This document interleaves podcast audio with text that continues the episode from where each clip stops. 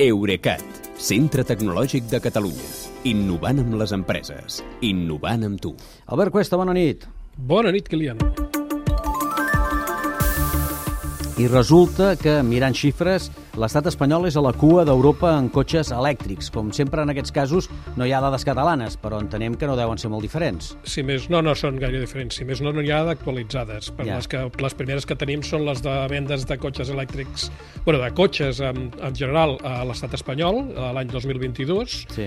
Allà, en conjunt de l'estat, se'n van vendre 813.400 en total. Això és un 5% menys que l'any anterior, però és que d'aquests només eh, 39 31.400 són eh, cotxes elèctrics purs. I destaco això de purs perquè no vull incloure eh, doncs els pedaços com els, els híbrids i els híbrids endollables que també tende han haurien de, tend de tendir a desaparèixer. Ja. A veure, aquests 31.000 co eh, cotxes elèctrics purs eh, són un 31% més que l'any anterior, però el que importa és que són menys d'un 4% del total. I això, aquesta és la xifra clau que situa l'estat espanyol a la cua d'Europa.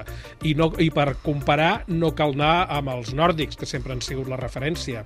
Si comparem amb Alemanya, allà eh, l'any passat, que és l'altre gran estat que, que ha donat ja té xifres de l'any 2022 sencer, eh, allà es van vendre 2,65 milions de cotxes, gairebé els mateixos que l'any anterior, però és que d'aquests eren elèctrics purs, van ser elèctrics purs, mm, més de 470.000 i això és un 17 per, gairebé un 18% del total. Eh, Comparem-lo amb el 4% sent optimistes, sent És generosos, bastant més, sí, de l'estat espanyol. l'estat A espanyol, veure, sí. eh, per resumir-ho, a Alemanya es venen tres vegades més cotxes, eh, però han matriculat 15 vegades més elèctrics que a l'estat espanyol.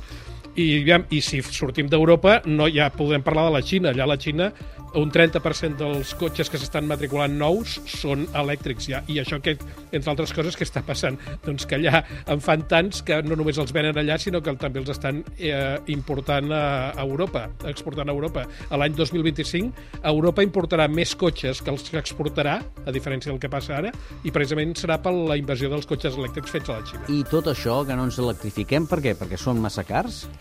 Aviam, inicialment sí, eh, però és que el preu de compra l'amortitzes amb el que estalvies, el- estalvies amb combustible, sobretot si carregues la bateria amb les plaques solars de casa.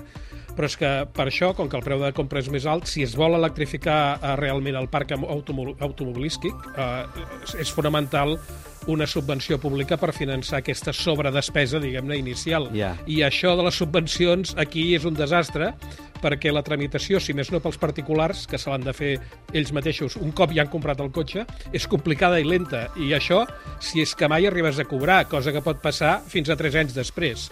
Eh, mm, jo com a referència, jo encara no m'he comprat un cotxe elèctric, entre altres coses per això, però mm, el que sí que puc parlar és una mica de les instal·lacions fotovoltaiques, que també et prometen subvencions, però tampoc les cobren aviat, però és que curiosament, quan l'administració eh, està reconeixent que la meitat de les, dels diners europeus que van destinats a eficiència energètica es queden sense adjudicar. Jo crec que tant una cosa com l'altra només són culpa de l'ineficiència de l'administració. Ja. També hi ha manca de carregadors de bateria, diríem, no? Sí, això és molt evident. Eh, Aviam, a mi no em sembla casual que els dos cotxes elèctrics purs que més es van vendre a l'Estat durant l'any 2022 siguin precisament dos models de Tesla. Vull dir que això desmentiria una mica el, el, el problema del preu, no? Perquè no són precisament barats. No. Eh, el que passa és que Tesla, abans de començar a vendre en un país, hi desplega una xarxa pròpia d'estacions de càrrega ràpida que eh, i això fa que el comprador potencial no tingui por de no poder carregar. Eh, I, de fet, eh, aquests carregadors de Tesla només es podien fer al començament, fer servir només amb els seus cotxes, però darrerament la marca els està obrint també als d'altres marques. Però és que els carregadors de marca jo crec que són només una part del problema, perquè si tornem a Alemanya, allà els dos elèctrics més venuts ja no són Tesla, són Volkswagen els ID2, eh, ID3 i ID4. Però és que allà hi ha una xarxa, diguem-ne, de 100 de carregadors públics i de el que se'n diu electrolineres, eh, i també molts conductors carreguen el cotxe a casa. En canvi, en, aquí encara hi ha qui es compra un cotxe elèctric confiant en que podrà endollar-lo al carrer amb un punt de càrrega municipal i a sobre sense pagar. Home, això per descomptat, sempre. Sí, sí, clar. Uh, quan jo crec que, uh, entre altres coses, aquesta mena de punts uh, municipals, uh, que són de, solen ser gratuïts, en, o encara, haurien de ser sobretot pel conductor que arriba de fora, no pel local. Clar, aquí això de comprar un cotxe elèctric sense preveure abans on el carregaràs sembla una mica començar la casa per la taulada, però hi ha, hi ha qui ho ha fet a l'engròs i amb diners nostres, públics. Sí, exacte, la Guàrdia Civil. El sindicat Agrupació Unificada de Guàrdies Civiles ha denunciat que el cos té guardats en una nau d'Alcalà d'Henares 380 cotxes elèctrics Nissan Leaf, cotxes patrulla, que estan retolats i tot, perquè hi ha fotos, que no poden circular per manca de carregadors, que en aquest cas encara són més necessaris perquè aquests cotxes, aquests 380, són del model de Leaf amb la bateria de 40 kWh, que és la de menys capacitat de les dues possibles. Per tant, els has de carregar més sovint. Eh, es veu que el projecte original, amb un pressupost de 12 12 milions d'euros del Ministeri de l'Interior, per tant nostres, contemplava instal·lar més de 1.400 punts de càrrega a tot l'Estat, però no s'han vist en lloc. De fet, els pocs cotxes que la Guàrdia Civil d'aquesta partida està fent servir es carreguen amb endolls domèstics, de manera que poden arribar a estar aturats gairebé tot el dia. Potser si es compressin a Wallbox, aquesta empresa catalana no hauria de reduir plantilla. No, potser sí, potser si compressin... Aviam, Wallbox és una de les empreses d'origen català que és emblemàtica de la nova economia i es dedica precisament, com deies, a fabricar carregadors per vehicles elèctrics, però resulta que avui ha comunicat que haurà d'acomiadar un 15% de la seva plantilla, que són 1.400 persones al total, per reduir costos. La majoria d'aquests acomiadaments, a més a més, seran aquí, que és on treballa el 80% dels empleats.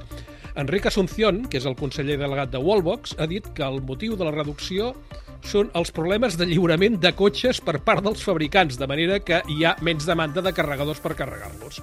Ja. Bé, és un peix que es mossega la cua i que així es va fent petit. En lloc de fer-se gran, que és el que, tocarà, el que tocaria, de fet, no?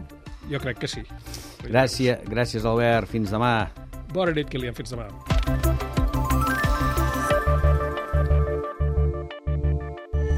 Eurecat, centre tecnològic de Catalunya. Innovant amb les empreses. Innovant amb tu.